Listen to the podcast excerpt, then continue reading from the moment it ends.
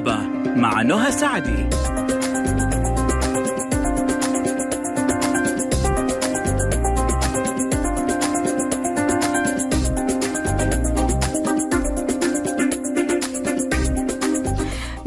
الرحمن الرحيم. السلام عليكم ورحمة الله وبركاته. أحلى مستمعين مستمعي ألف ألف أف أم الموجة السعودية مستمعي برنامج طبابة ألف اللي بيجيكم يوميا من الأحد للخميس بإذن الله. معايا أنا نهى سعدي من الساعة واحدة للساعة اثنين. بعد الظهر بيكون آه، في ضيافتنا آه، دكتور وطبيب من النخبة والنخبة فقط من الأطباء في مجالهم. اليوم معانا النهدي كير يعطيهم العافية وكالعادة معاهم عروضهم ومعاهم كل خدمة راقية بيقدموها. آه، طبيبنا اليوم كان قبل ما أعرفكم عليه كان بيقول لي ح- حاجة جدا جميلة تحت الهواء. بيقول لي يعني إحنا العميل عندنا أو المراجع أو الحالة بنسميه ضيف والضيف مكانه دائما فوق الرأس. فهذه نظرة آه، طبيب للموضوع. فما بالكم المستشفى والطاقم هناك كامل ككل آه، ال- العيادات. حتلاقوا دائما حتى الخدمات اللي أنتم محتاجينها. بيجينا أكثر من طبيب بأكثر من تخصص وبنشوف مدى الاحتراف. وكان برضو بيتكلم عن نقطة كمان جدا جميلة ومهمة إنه حتى في في في في الحالة الواحدة أو في التخصص الواحد في تخصصات متفرعة والتخصصات هذه مو كلها بتعالج كل الحالات. فيفضل إنه تروح ل- محترف أو الشخص المختص في هذه المسألة تحديدا وعادي. فتلاقي في زي عيادات النهدي كير تلاقي فريق العمل كامل موجود هناك بإذن الله وهم يوجهوا البعض آه وتقدر تختار الخدمة اللي أنت تبغاها وتعرف كل حاجة عنها قبل ما تسويها ومين الطبيب وتتعرف عليه كمان قبل.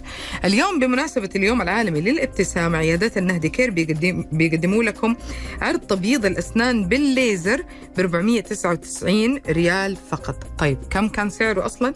1750 يعني آه، ما ماني قادرة أقول لكم حتى إنه النص يعني ببلاش صار تقريبا. العرض يبدأ من تاريخ 1 أكتوبر آه تحجزوا وتستفسروا آه تتصلوا على الرقم 9200 24673 دائما لما نتحمس كده يروح الحروف والكلام كله يروح. 9200 24673 أو عن طريق تطبيق عيادات النهدي كير وعلى فكرة في عروض كثير لين يوم 15 يعني مو هذا العرض بس عشان كذا بقول لكم اتصلوا واسألوا إيش العروض اللي موجودة عندهم. هم تقريبا ما بتوقف العروض عندهم كل السنة. بيلا- بيلاقوا أي حجة عشان يعملوا عرض ويلاقوا آه، يقدموا خدمة أفضل. آه بنقول ده الإنسان بشوش وبنقول هذا الإنسان آه، كشر ومع انه ما هو كشر وبنقول هذا الإنسان يعني ضحكته تغلب على الكل يعني لو ابتسم خلاص بيجي أب يقول ما أقدر أقاوم ابتسامة ابني ما أقدر أقاوم ابتسامة بنتي لما بيجي يطلبوا طلب فسلاح. الابتسامة سلاح ابتسامة ممكن تكون سبب قبول وظيفة وممكن تكون سبب رفض ممكن تكون سبب قبول عريس وممكن تكون كمان سبب رفض. يعني آه، لها دور كبير جدا. الابتسامة آه، يعني الرضا. حتى لما جينا نقول كلمة ولا نقول قصيدة ولا نقول شيء إنه رغم الابتسامة في حزن جوا رغم الابتسامة في ابتسامة يعني كلمة ابتسامة لها معنى ودلالة آه، كبير جدا في حياتنا وفي يومنا وتأثير مرة ضخم.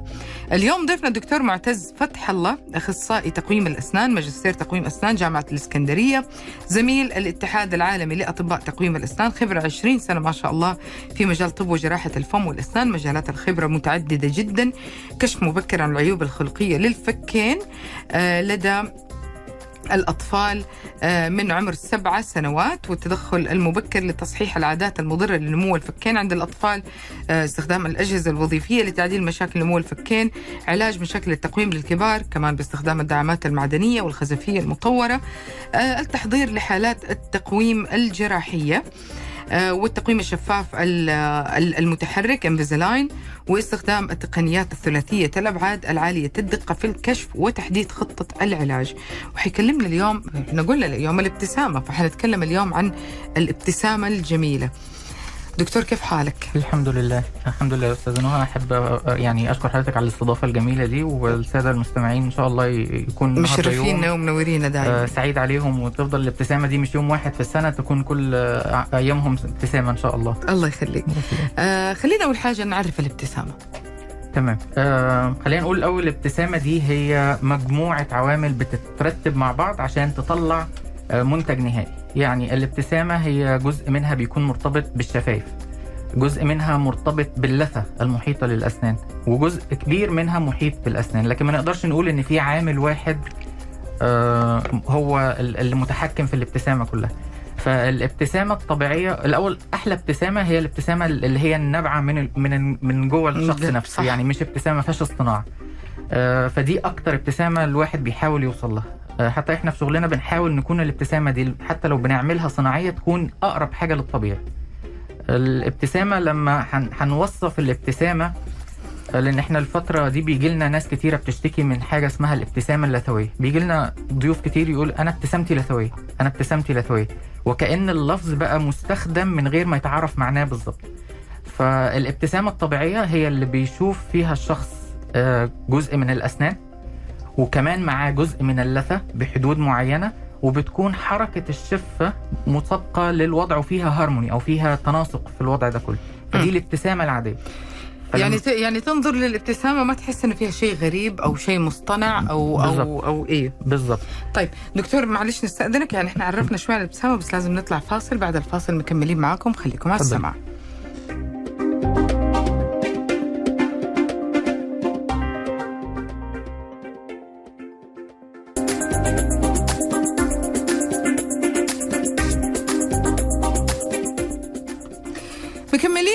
معاكم وكنا بنتكلم عن تعريف الابتسامة الطبيعية أصلا. طيب دكتور ممكن تكون حتى كل هذه المواصفات موجودة في الابتسامة إلا أنه مثلا حتى درجة لون الأسنان ممكن تكون متفاوتة أو أو بعيد عن أنها تكون لائقة على لون ال- البشرة فهل هذا يعني يندرج تحت أنه يكون يعني هل ممكن تقول له التعليق أنه كل شيء تمام لكن لون أسنانك خطأ؟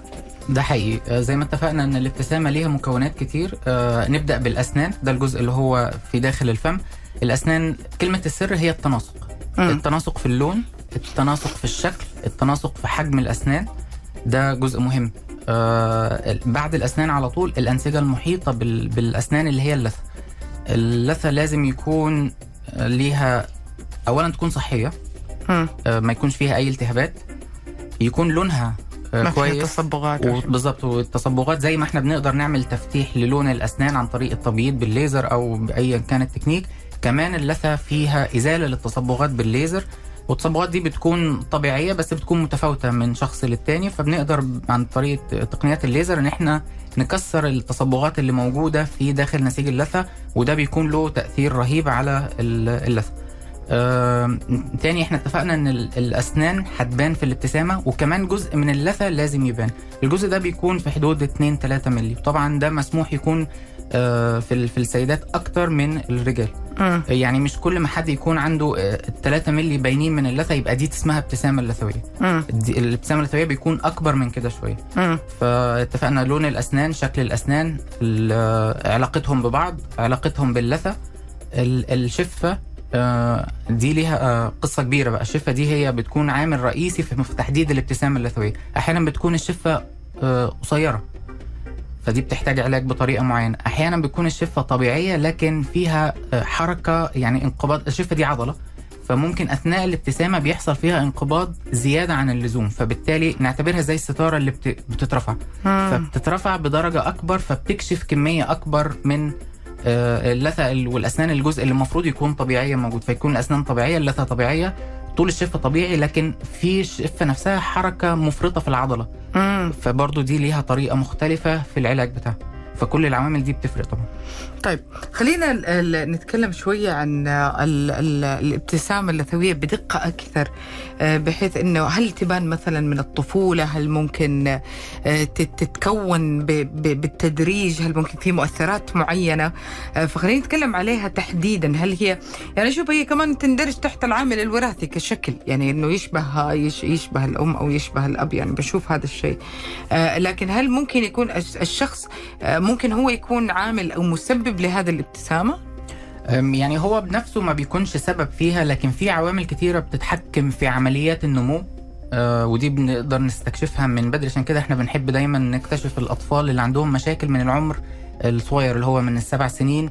عشان لو في مشكلة في القاعدة العظم نفسه خلينا نقول نمو الفكين أحيانا بيكون في حاجات معينة بتحصل بتخلي إن في نمو خلينا نتكلم على الفك العلوي لأن هو ده اللي داخل في الابتسامة أكتر. بتخلي آه، يعني النمو بيكون مفرط زي ما في قصور في النمو في نمو زايد شوية في يعني في سقوط الفك. هو طبيعي إن الفك بينمو في الاتجاه السفلي والاتجاه الأمامي. ففي حاجات بتحدد ال- النمو ده وتحكمه.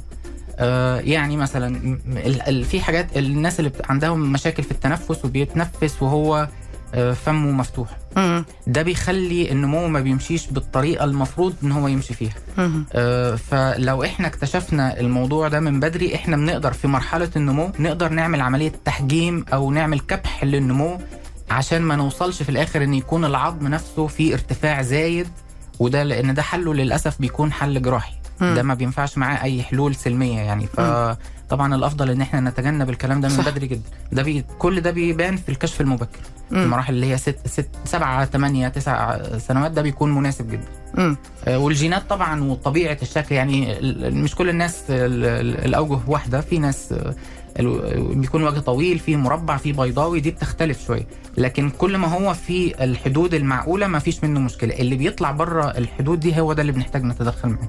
جميل.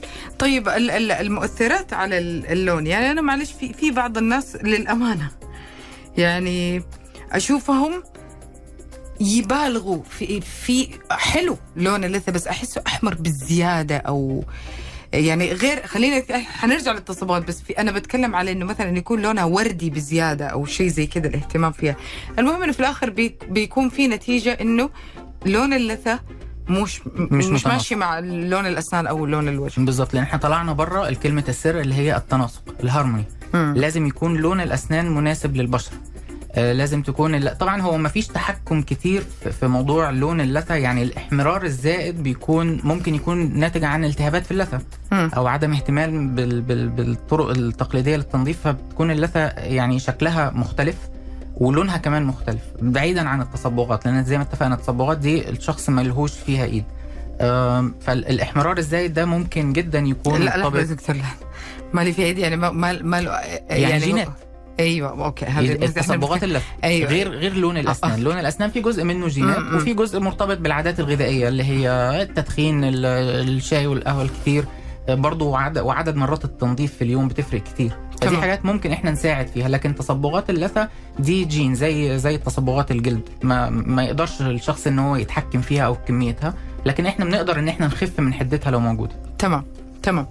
يعني خلينا نقول إنه لسه حنقول يعني هذه هذه هذه من الناحية الجينية الوراثية إلا إنه ممكن ال- ال- التدخين وممكن نبغى نعرف إيش المؤثرات آه، من يعني اللي هي الشخصية اللي الشخص هو بيعملها بنفسه.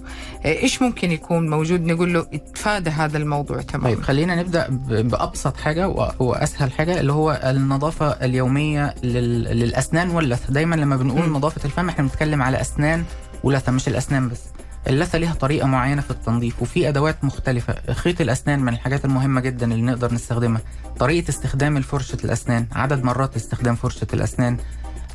يعني بحيث إن يكون في كفاءة في التنظيف أنا ممكن أمسك الفرشة وأدخل وأعمل في دقيقة بس ما حطيتش الفرشة في الاتجاهات الصح ولا غطيت جميع الأماكن فبالتالي اسمي نظفت لكن فعليا ما وصلتش لكفاءة 50% مم. فدي بتبقى محتاجة من شوية إحنا مننا كأطباء أسنان إن إحنا نعمل عملية نرفع الوعي ونعمل عملية متابعة. وطبعا برضو تاني هرجع أقول إن الكلام ده بيبقى أسهل بكتير لما نبدأ مع السن الصغير بحيث إن. الطفل يكبر والحاجة دي في دمه خلاص. ده بقى روتين يومي مش هبدأ أعلمه وهو عنده 30 و40 سنة. ده أول حاجة نقدر نت- نتدخل فيها. ال- التدخين. التدخين للأسف إن هو طبعا يعني أضراره كتير بس خلينا نتكلم على جزء اللثة. بما يخصنا. آه، طبعا هو التدخين بيعمل ضيق في الأوعية الدموية. فبالتالي كمية الدم اللي بتوصل في اللثة ما. بتكونش كافية وبالتالي بتلاقي المدخن دايما اللثة اللي عنده لونها باهت آه أزرق شوية مش. ما فيهاش الحيوية مم. لأن كمية الدم اللي واصله مش مش مش طبيعية وبالتالي لو حصل أي التهاب في اللثة أو أي مشكلة قدرة اللثة على الالتئام أو ال- اللي هو اللي بنقول عليها الهيلينج لأن الطبيعي إن إحنا لما يكون عندنا الدورة الدموية ماشية كويس هي دي اللي بتشيل كل المنتجات السيئة وتعمل عملية إعادة إحياء الخلايا. تمام. فبما إن اللثة للمدخن كمية الدم اللي واصلة لها أصلا ضعيفة فعملية الالتئام بتاخد وقت أطول بكتير. آه، فبالتالي أي مشكلة هتبقى هتتضاعف شوية مع مع المدخن. مم. لأن ما عندهوش مصدر إعادة الترميم. أو الم... ما عنده المصدر بس مش بالكمية الكافية. لو صح. القول يعني. يعني في في لثه يعني ربما ما أعرف أنا صح أو خطأ بس أحسها من مو مو مثلا دكتور ناقصة أو شيء لا بس منتفخة كذا كأنه دائما فيها زي التهاب تمام إيش مسببات هذا الشيء؟ طيب في جزء اللي هو الالتهاب المرتبط بوجود عامل بنقول عليه يعني في عامل في نفس المنطقة دي يعني في والعامل ده بيكون بقايا أكل أو طبقة البلاك فبتلاقي أطراف اللثة اللي هي المفروض تكون آه، نحيفة جدا. بتكون اللثة منت... منت... فيها التهاب فمنتفخة صح آه، فبتلاقي شكل اللثة كله دائري كده ما فيش اللي هو ال- ال- العلاقة ما بين السن واللثة غريبة شوية. ده جزء وده بيتعالج بإن إحنا بنرجع لعمليات التنظيف المظبوطة وبيتم العلاج على كده. في ناس بطبيعتها نوع اللثة عندها لأن اللثة برضو أنواع يعني مش كل الناس عندها نفس نسيج اللثة نفسه فيه اختلافات في نسيج بيكون نحيف. وفي نسيج بيكون بطبعه سميك ففي بعض الحالات وبرضه دي حاجة هو الشخص ملهوش إيد فيها. بتكون ما فيش التهابات وهو الشخص بيحافظ على النظافة ممتاز لكن نسيج اللثه عنده محتاج آه، يعني تهذيب شوية بحيث. إن هو الشخص بيبدأ نعمل له عملية إعادة تشكيل لسطح ال- اللثه نفسه يعني بيتعمل لها زي عملية تجميلية كده بحيث. إن هو يحولها من النسيج اللي هو المنتفخ الدائري ده. بيتعمل بطريقة طبعا الناس التخصص اللي هو جراحة اللثة هم أكتر ناس بيقدروا يفيدونا في الجزء ده سواء بيعملوها بالطريقة التقليدية أو عن طريق الليزر بتختلف من حالة لحالة بحيث إن هو يحول شكل اللثة إلى الشكل الطبيعي اللي هو ال- النحيف اللي علاقته بالأسنان يكون فيه انسيابية مرحلة الانتقال من السن للثة يكون فيه انسيابية. ما يكونش فيه زي زي ستيب أو خطوة كده واضحة. وتلاقيها يعني صحيح في. بروز كده أو أو بالضبط. يعني ارتفاع غير منطقي أو غير مقبول أو يشعر به الشخص اللي شايفك أو أنت كمان تشعر فيه آه، في داخل الفم طبعا ممكن يجي على بالنا كلنا سؤال آه، هل لأي حاجة من الحاجات اللي إحنا ذكرناها إلى الآن دكتور أي مضاعفات آه، صحية على الشخص يعني خلينا برا موضوع الشكل شوية يعني بس هل هي مثلا لها مضاعفات صحية ممكن تسبب له أضرار بعد كده ممكن تكون فيها خطورة أو شيء يعني أكيد لو لو الجزء اللي مرتبط بالتهابات اللثة مم. آه، التهابات اللثة بتكون المرحلة الأولى لسلسلة من المشاكل مم. آه، ودايما المرحلة دي بيكون فيها علامات. يعني التهابات اللثة أول علامة بتدل عليها إن يكون في نزيف من اللثة ايا كان كمية النزيف. فدي دي أول علامة بتقول أنا اللثة فيها مشكلة. مم. لو إحنا تجاهلنا الموضوع ده للأسف إن الالتهابات دي بتتعدى حدود اللثة وتوصل للعظم اللي ماسك الأسنان. فبالتالي ممكن يواجهنا شخص أسنانه سليمة تماما آه، مفيش فيه أي مشكلة لا تسوسات ولا أي مشكلة لكن الأسنان بدأت تتحرك. مم. لأن الالتهابات اللي كانت في اللثة عدت مرحلة اللثة وبدأت تعمل تكسير في العظام ال- ال- الدعم للأسنان نفسها مم. فبالطبع ده بيكون أثره يعني سلبي جدا لأن لو العظم اتأثر بيوجه لنا إحنا تحدي مم. آه، إن إحنا نعالجه بأكتر من طريقة سواء بتقويم سواء حتى لو السن اتخلع وحبينا نحط زراعة لأن القاعدة اللي أنا هستخدمها أصلا بقت ضعيفة. بقى. عندي مشكلة في القاعدة نفسها. غير إنه آه، لون اللثه أو صحتها على فكرة يعني يمكن ذكرنا هذا في حلقات سابقة ونرجع نأكد عليه اليوم وحنتعرف على الموضوع ده أكثر بعد الفاصل. إنه ممكن تكون علامات على مشاكل صحية ثانية. فحنعرف الموضوع ده وحنعرف كل واحد الآن أنا متأكدة إنه في المرايه وقاعد يشوف اللون وصورها الدكتور اسنان أنا كده تمام أنا كده في السليم. فاصل خليكم مع السماعة.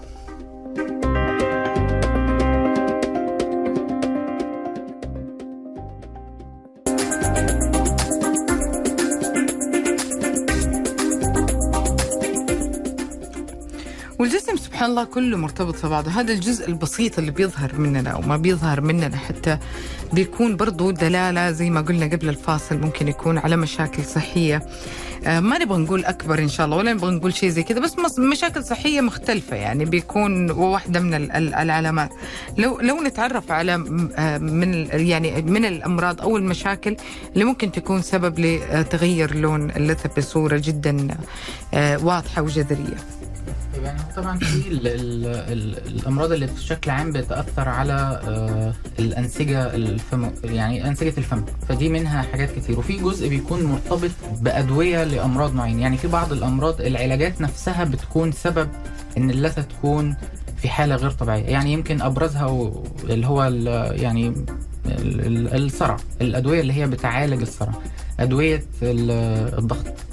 ففي علاجات إحنا أصلا بنضطر نستخدمها بيكون لها في حاجات. ليها علاقة بال... بال... بالأمراض القلب مثلا العلاجات اللي بتتصرف لمرضى القلب. ففي حاجات كثيره بتكون من ضمن التاريخ. طبعا إحنا وإحنا بنسأل بنبقى عارفين يعني بنسأل على التاريخ التاريخ المرضي تاريخ العلاجات اللي الشخص بياخدها. لأن في حاجات بتكون ممكن ال- إزاي تاني ترجع في الجزء اللي هو المريض ملهوش تدخل فيها. ده نتيجة ل... لعلاج هو مضطر إن هو ياخده. فدي برضو بتاخذ في الاعتبار وبيكون في دايما الاستشارة ما بين آه، يعني بناخد التاريخ الطبي أو لو ما عرفناش ساعات بنتواصل مع الطبيب اللي بيعالج الشخص نفسه عشان نقدر نوصل ل- للسبب الرئيسي ونقدر لو إحنا محتاجين آه، نعمل تظبيط في الجرعات أو لو محتاجين نعمل تدخل آه، معين أحيانا بيكون في المريض واخد أمراض يعني علاجات للسيولة سيولة الدم. فلو أنا هتدخل عشان أعالج مشكلة في اللثة هستخدم فيها سواء المشرط أو الليزر أو ايا كان. ممكن لو المريض السيولة الدم عنده عالية ده يكون يمنعني من إن أنا أعمل الإجراء ده. فبضطر إن أنا أعمل تنسيق مع الطبيب المعالج وبنعمل التحاليل اللي بتحدد نسبة السيولة بالظبط بحيث إن إحنا ما نعملش حاجة غير وإحنا مطمنين إن هي تكون آمنة 100% على آه، لصحة المريض. يعني آه، خلينا نقول إنه بيكون مو مو أي طبيب. طيب خلاص المهم أنت حتتعالج. ممكن يقول لك ما باين من الفحص أو من التشخيص. انه هذه مشكلة ثانية لازم يكون لها حل أو ممكن تكون دلالة على مشكلة ثانية وحتلاقيه يسألك.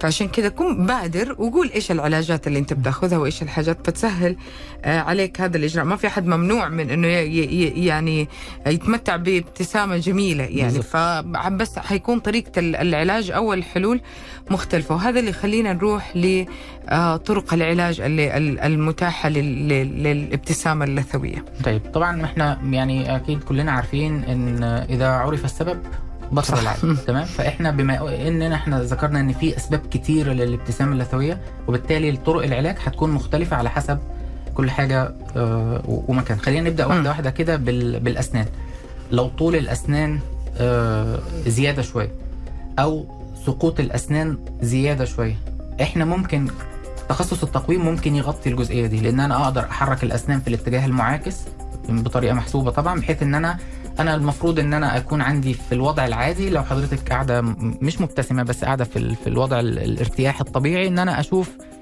في حدود 2 مللي من السن.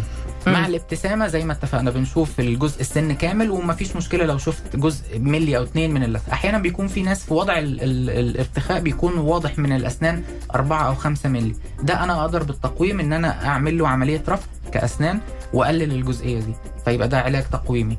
في ناس بيكون المشكلة زي ما ذكرنا في الجزء الأول في العظم نفسه أو في القاعدة العظمية نفسها. لو عدى مرحلة النمو للأسف الشديد إن بيكون الحل بيكون جراحي اللي هو جراحات التقويم. لو لحقناها في السن المبكر ممكن نعمل عملية كبح للنمو وبالتالي نتجنب المشكلة من الأساس ده طريقة علاج تانية طيب لو الابتسامة اللثويه مشكلتها إن في نمو زايد في نسيج اللثة مم. يبقى في الحالة دي الاتجاه هيكون ال- ال- العلاج لقص اللثة نفسها طبعا بعد ما نكون عالجنا الالتهابات لو في آه، عوامل مسببة للالتهابات آه، طيب لو المشكلة بره الأسنان وبره اللثة مم. والمشكلة في الشفة.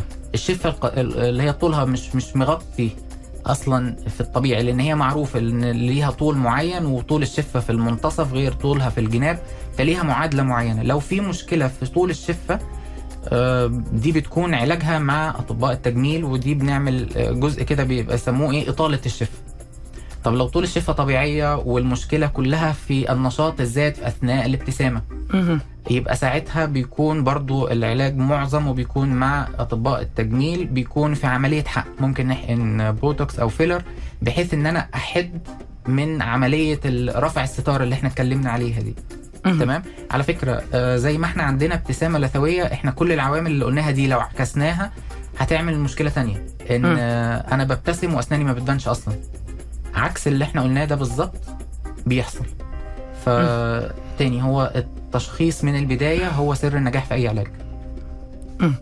آه، ال- العلاجات ممكن بتتضمن إحنا بنهتم بالجزء الأمامي سبحان الله من ال تمام. ال ال يعني دائما هي دي اللي بنحدد منها. لكن هذا ال- ال- الموضوع ممكن يكون ساحب ل- لأماكن أعمق. آه وكمان نبغى كمان نعرف هل آه يعني كيف بيطبق ممكن علاج ال- اللثة الخارجية ولا ال- ال- الداخلية كمان ولا بيتم علاج ال- الاثنين لازم ولا كل واحدة لهم قياساتها المختلفة؟ طبعا إحنا كل حاجة ليها القياسات الطبيعية وإحنا لما بنفصل الحالة بنفصلها ونحط في اعتبارنا جميع العوامل اللي إحنا اتكلمنا عليها دي. آه، يعني ما فيش حاجة اسمها إن أنا أشوف الأسنان وأتجاهل اللثة أو أشوف اللثة وأتجاهل الشفة أو أشوف الشكل العام والأطوال والكلام ده كله له مقاييس معروفة. وإحنا المفروض ان إحنا بنبدأ نعمل عملية ال- الفحص المبدئي يكون دقيق جدا بحيث ان إحنا نحدد كل العوامل المشتركة في المشكلة. لأن أنا لو عندي أربع عوامل مسببة المشكلة وعالجت واحد أو اتنين ما زالت المشكلة ما اتحلتش. آه، فبيكون في حد في الفريق العمل زي ما اتفقنا إن الشغل ده لازم يتعمل في فريق عمل مش شخص واحد بيعمل كل ال- العلاجات دي. بيكون في حد زي المايسترو هو اللي مم. بيو- بينسق ما بين التخصصات المختلفة بحيث إن إحنا نشوف ال- الحدود لأن كل علاج من دول له حدود. أنا ليا حدودي في التقويم في الحركة والدكتور الجراح له حدود في الحركة ودكتور ال- التجميل في الحقن أو في إطالة الشفة له حدود في الحركة. فأنا لازم برضو الطلب اللي أطلبه من الدكتور يكون منطقي. يعني ما ينفعش أروح أطلب الدكتور أقول له اعمل لي الشفه خليها دبل الطول غير صح. هو هو له حدوده فأنا لازم أكون منطقي في الطلب اللي بطلبه. أحيانا كتير بنقابل الناس في نص المسافة. يعني أنا أعمل جزء والجراح يعمل جزء آه، وأخصائي اللثة يعمل جزء وفي الآخر المريض يطلع بحاجة آه، يعني هو ده ال best option أو أفضل خيار بيديله ال- ال- اللي هو جاي أصلا يطلبه مننا يعني مهم. يعني ال- ال- الاختلاف حيكون بطريقة العلاج مو معنى إنه اللي الإجراء اللي صار مع فلان ممكن يصير مع فلان ممكن يكون أبداً. الإجراء اللي أنت حتتعرض ليه أخف مرة كثير بالظبط ومش يمكن يكون بعلاج المشكلة الأساسية يمت- بالضبط. تنتهي مشكلتك وممكن تكون تحتاج شغل أكثر على هذا الموضوع. ارتباط الفم كله كامل بالابتسامة سبحان الله حتى توصل لل... لل... لل... للشفايف. كل الألوان وكل فعلا اللي هي التناسق هو اللي بيحدد ابتسامة ألطف. لكن في ناس بتروح بتبالغ. لون اللثة جدا وردي. لون الأسنان جدا أزرق من كثر ما هو أبيض. آه نفس الشيء في. كده حتى الفم بيشذ عن باقي الوجه في ك... كصورة أو كملامح. حنطلع فاصل. راجعين في ختام حلقتنا. خليكم مع السماع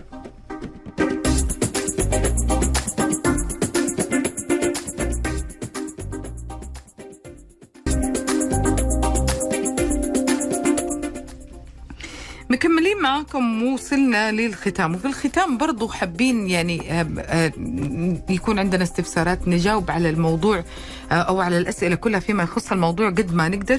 بس خليني أذكركم إنه بمناسبة اليوم بمناسبة يوم العالمي للابتسامة. عيادات النهدي كير بيقدموا لكم عرض تبييض الأسنان بالليزر. 499 ريال بدل من 1750 ريال. العرض يبدأ من تاريخ 1 أكتوبر. احجزوا استفسروا اتصلوا على رقم 92 0024 673 92 0024 673 أو عن طريق تطبيق عيادات النهدي كير دكتور يعني ضروري جدا إنه إحنا برضو ناخذ جانب جدا جميل في الموضوع. وقائي في ناس كثير صارت تقول أنا أعمل اللي أبغاه وأدخن زي ما أبغى واشرب الحوامض زي ما أبغى وما ما أهتم بلثتي ولا بأسناني ولا بطريقة تنظيف وبعدين أروح للدكتور أسوي الحركات ليزر واسوي كده كل ستة شهور. صح؟ بيضحك لا- لأنه حقيقة صح ولا لا؟ حقيقي حقيقي يعني أنا أروح أخلص هذا الموضوع فأنا أخذ أخذ راحتي. اي ويروح للساحر يعني فعلا. يعني يقول لك حس... أنا اعمل كل في الآخر إجراء جدا بسيط. ترجع لونها وردي ويرجع لونها كويس ويرجع كل حاجة تمام. آه نبغى نتكلم عن يعني كمان مضاعفات إنه الشخص يتعرض لهذه الإجراءات كثير بالمرة وفي نفس الوقت كمان بنتكلم عن طرق الوقاية من آه هذه المشاكل أصلا. طيب هو طبعا إحنا لازم نبقى عارفين إن كل حاجة ليها ثمن يعني لو حضرتك آه، أهملت في العناية بالصحة وده مش بينطبق على الأسنان ولا الابتسامة بس ده بينطبق على الجسم بصورة عامة أو على أي حاجة حتى خارج ال ال ال الإنسان. هنهمل هتكون المضاعفات أكتر وبالتالي هتتطلب شغل أكتر تكلفة أكتر آه، مدة علاج أطول وكل حاجة بيكون ليها أضرار جانبية. يعني أنا مثلا خلينا نقول التدخين. زي ما اتفقنا إحنا مدخن أوكي. بس على الأقل يكون في الحد الأدنى. ومع التدخين لازم أعمل أبقى عارف الأضرار دي التدخين ده هيزود لي مشاكل في أي أماكن بالظبط. ولازم أنا أكون الأماكن دي أديها آه، يعني اهتمام زايد. هي عملية معادلة. أنا زودت حاجة في منطقة لازم أحط في الناحية الثانية عشان الميزان يتعدل. لو حطيت كل ال ال يعني ال الشغل على إن الدكتور هيصلح إن شاء الله بإذن الله إحنا نصلح وعندنا الإمكانيات وكل حاجة. بس طبعاً. ده هيبقى في الآخر يعني حضرتك اللي هتبقى يعني داخل في خطة العلاج دي بمدتها بإجراءاتها الكتير فيعني متهيألي الوقاية أسهل بكتير من الكلام ده كله. فالحفاظ على يعني وكمان المشكلة إن في حاجات بتكون أضرار يعني وان واي بتبقى حصل ما ينفعش نرجعه. فبيبقى أفضل حاجة في الحالات دي أو يعني أقصى ما يمكن عمله إن إحنا نوقف الضرر على على على المستوى اللي موجود فيه حاليا. مم. يعني مش كل حاجة بنقدر نرجعها للطبيعي. مفيش حاجة زي خلقة ربنا إحنا متفقين على الموضوع حقنا للدماء. بالظبط. يعني ف... فأكيد يعني ال... ال... ال... الوقاية أفضل كتير من إن إحنا نسيب المواضيع تتضخم وبعدين نرجع نتفاجئ إن الموضوع أكبر من اللي أنا كنت متخيله. أنا كنت فاكر إن أنا هروح في جلسة وأحل كل حاجة وأمشي. واكتشف إن الموضوع كبر ودخلنا في تخصصات كتيرة ودخلنا في إجراءات كنا ممكن بإجراء بسيط نتجنبها كلها مم. طيب لو لو قلنا لو بدأنا نتكلم بس شويتين عن طرق الوقاية خلينا نقول يوم مثالي للثة للثة. آه، كيف بيكون هذا اليوم المثالي؟ طيب إحنا يعني استخدام ال- الفرش المظبوطة بالطريقة المظبوطة بالعدد المرات المظبوط آه، ده مهم استخدام خيط الأسنان مهم لأنه بي بيدخل وبيعمل آه، التنظيف في الأماكن حتى الفرش بتكون صعبة الوصول إليها زي ما ذكرنا في أول الحلقة استخدام الفرشة ليه طريقة صح زي ما أنا بنظف الأسنان في طريقة لتنظيف اللثة في طريقة لتنظيف اللسان يعني فإحنا لازم نشوف يعني نعتبر الفم كصندوق فيه مكونات كتير فما ينفعش إن أنا أغسل أسناني بسرعة وأتجاهل بقية المكونات اللي داخل الصندوق لأن في. الآخر هم محطوطين في بيئة واحدة طبعا. هيحصل في حاجة حين يعني لازم هينعكس على الموجودين معاه مم. فاستخدام الفرشة يعني بنقول على الأقل مرتين في اليوم لمده أربع لخمس دقائق لازم الفرشة توصل للأسنان وتوصل للثه منطقه التقاء اللثة بالأسنان. دي المنطقة اللي بي بي لو أهملنا فيها بتتحول لحاجة اسمها جيوب اللثة. ودي. مشاكلها كتير وزي ما اتفقنا التهابات اللثة هي المرحلة الأولى. لو إه- أهملناها هتوصل لالتهابات العظم أو عملية تدمير في خلايا العظم. فمجرد ما حضرتك قدرت توصل بالتنظيف اليومي اللي هو مرتين في اليوم أربع دقائق خمس دقائق أعتقد إن هو وقت كافي يعني كحفاظ على نسيج مهم زي ده. آه مش م... يعني الموضوع الاهتمام بسيط مش حاجة صعبة. آه، دكتور خلينا نتكلم عن إيه؟ يعني تصميم الابتسامة بالطريقة التقليدية وبالطريقة الحديثة. فين كنا فين وصلنا؟ أو هل, هل التقليدية ما زالت موجودة أو لا؟ طيب هي التقليدية هي الأساس اللي هو إحنا على أساسها اتعلمنا يعني إيه نعمل ابتسامة ونعمل design ونفصل الابتسامة. زي ما اتفقنا مفيش حد زي التاني فكل واحد بنفصل له حاجة خاصة ليه هو. الأخذ في الاعتبار كل العوامل اللي اتكلمنا عليها شكل الوش طول الوش لون البشرة الشفايف اللثه الاسنان اللون الحاجات دي كلها إحنا كنا بنعملها بطريقة تقليدية. يعني عارفين الأرقام وبنبدأ نعملها بالطريقة ال manual ناخد الصور بالطريقة العادية ونبدأ نرسم بالطريقة العادية. دلوقتي الحمد لله مع التقنيات الحديثة اللي موجودة كل ده تحول ل digital. يعني أقدر أوري لحضرتك الابتسامة. أنا اولا كطبيب أبقى عارف بالظبط أنا عشان أظبط كل حاجة على المعيار المظبوط. الأسنان تكون متناسقة مع الشفة والشفة مع الوجه والكلام ده كله. أنا أقدر أعرف أنا هبقى محتاج أعمل إيه بالظبط. يعني حضرتك هتشرفيني هقول لك okay أنا عشان أديلك أفضل ابتسامة أنا محتاج إن أنا أقص من اللثة مثلا ملي أو اتنين لأن اللثة نازلة عن المستوى الطبيعي اللي هي المفروض تكون عليه بناء على تشخيصي لوضع الراحة ووضع الابتسامه أقدر أقول لحضرتك إن إحنا هنحتاج نطول الأسنان دي شوية. ممكن أحتاج أعرضها شوية لأن الابتسامة زي ما ليها طول ليها عرض. مرتبط بعرض ال- الابتسامة. يعني حضرتك لما بتبتسم الم- الشخص لما بيبتسم بيكشف قد إيه عرضا غير طولا كمان العرض. آه وسهل بقى كل الكلام ده في ال- في ال digital إن أنا أقدر أوريه لحضرتك. فده بيبقى سهل إن أنت تقولي لي okay أنا مش عاجبني الحتة دي بس آه okay ده اللي أنا كنت متخيله لأ مش ده اللي كان في دماغي. وده بيتحول من صورة على جهاز كمبيوتر أقدر أعمله لنموذج حي. نعمله زي design كده مؤقت و... ونركبه مثلا وحضرتك تشوفيه على الطبيعة قبل ما نعمل الشغل الفعلي اللي هو فيه إجراءات القص. يعني بيكون إجراء يعني زي بروفا من غير ما نلمس أي حاجة في الأسنان. جميل. لو حضرتك شايفة إن هو ده اللي أنت كنت بتسعي له بن- بنبدأ نمشي في السكة دي. لو في تعديلات آه، بنقدر نعمل التعديلات قبل ما نبدأ في مرحلة الشغل. فقطعا ال digital في كل حاجة ال- الحاجات الرقمية التقنيات الموجودة من الإشعاعات من أجهزة التصوير من المقاسات ال digital مع ده كله سهل علينا كتير وبقى في عملية أريحية للشخص وهو عارف داخل على خطة علاج أنا عارف النتيجة النهائية شكلها عاملة إزاي. مم. مش هتفاجئ في الآخر وبعدين أكتشف آه مش ده اللي كنت عايزه. ده مهم جدا آه، يعني يعني خلينا نقول صار دمج بين الطريقة التقليدية والطريقة الحديثة وأخذنا أفضل ما في هذه وأفضل ما في هذه فصارت هي طيب ال- العلاج المشكلة الحل مثلا من أبسط مشكلة لأكبر مشكلة قديش ممكن تاخذ وقت لغاية ما أستمتع بابتسامة آه، غير لثوية جميلة مرتبة يعني إحنا ابتداء من أسبوع لو في سبب الابتسامة دي التهابات لثة وزيادة في النسيج اللثة ناتج عن وجود التهابات مجرد ما بيتعمل التنظيف في مرة أو مرتين في أسبوع 10 أيام المفروض بترجع طبيعية وخلاص خلصت المشكلة. لو الموضوع متدخل في عوامل كتيرة طبعا مع كل ما زادت العوامل كل ما هنحتاج مدة علاج أكتر. لو تدخلنا بالتقويم هنحتاج فترة أطول شوية. لو الموضوع محتاج جراحة هيبقى محتاج أطول وأكتر. لو هنستخدم ال- التجميل إن هو يعمل لنا يقل لو اتفقنا إن هو مشكلة مثلا في نشاط اللثة أو في نشاط الشفة أثناء الابتسامة آه، ده هيبقى ممكن يبقى حل سريع جدا. يعني ممكن في حقن مرة أو مرتين يعني تختفي المشكلة تماما. برضه هي متوقفة على السبب الرئيسي. مع العلم إن في إجراءات كتيرة بتكون آه، يعني في حاجات حلول بتكون دايمة وفي حلول بتحتاج إن هي يتم إعادتها كل فترة. يعني مثلا موضوع الحقن أنا ممكن الحقن ده يكون إجراء مؤقت أو بنحتاج إن إحنا نضيفه آه، أو نعيده تاني بعد سنة أو بعد ست شهور. آه، إجراءات غالبا التقويم والجراحة ما بتكونش فيها رجعه يعني بتبقى مرة واحدة بتتعمل وانتهى الموضوع الإجراءات اللي فيها مثلا تفتيح لون أو توريد اللثة من التصبغات اللي قلنا عليها دي برضو حاجة بتكون زي تبييض الأسنان بنحتاج نعملها بس بيكون وارد إن هي تتكون تاني التصبغات دي ونحتاج إن إحنا نعمل لها جلسة تانية. بتختلف من شخص للتاني على حسب المشكلة الرئيسية عمقها كان قد إيه وكمية التصبغات وحدتها فبتفرق طبعا مدة العلاج على أساس المشكلة الرئيسية. دكتور السؤال الأخير يعني هل الاهتمام باللثة قبل الإجراءات هذه كلها يشبه الاهتمام بعد؟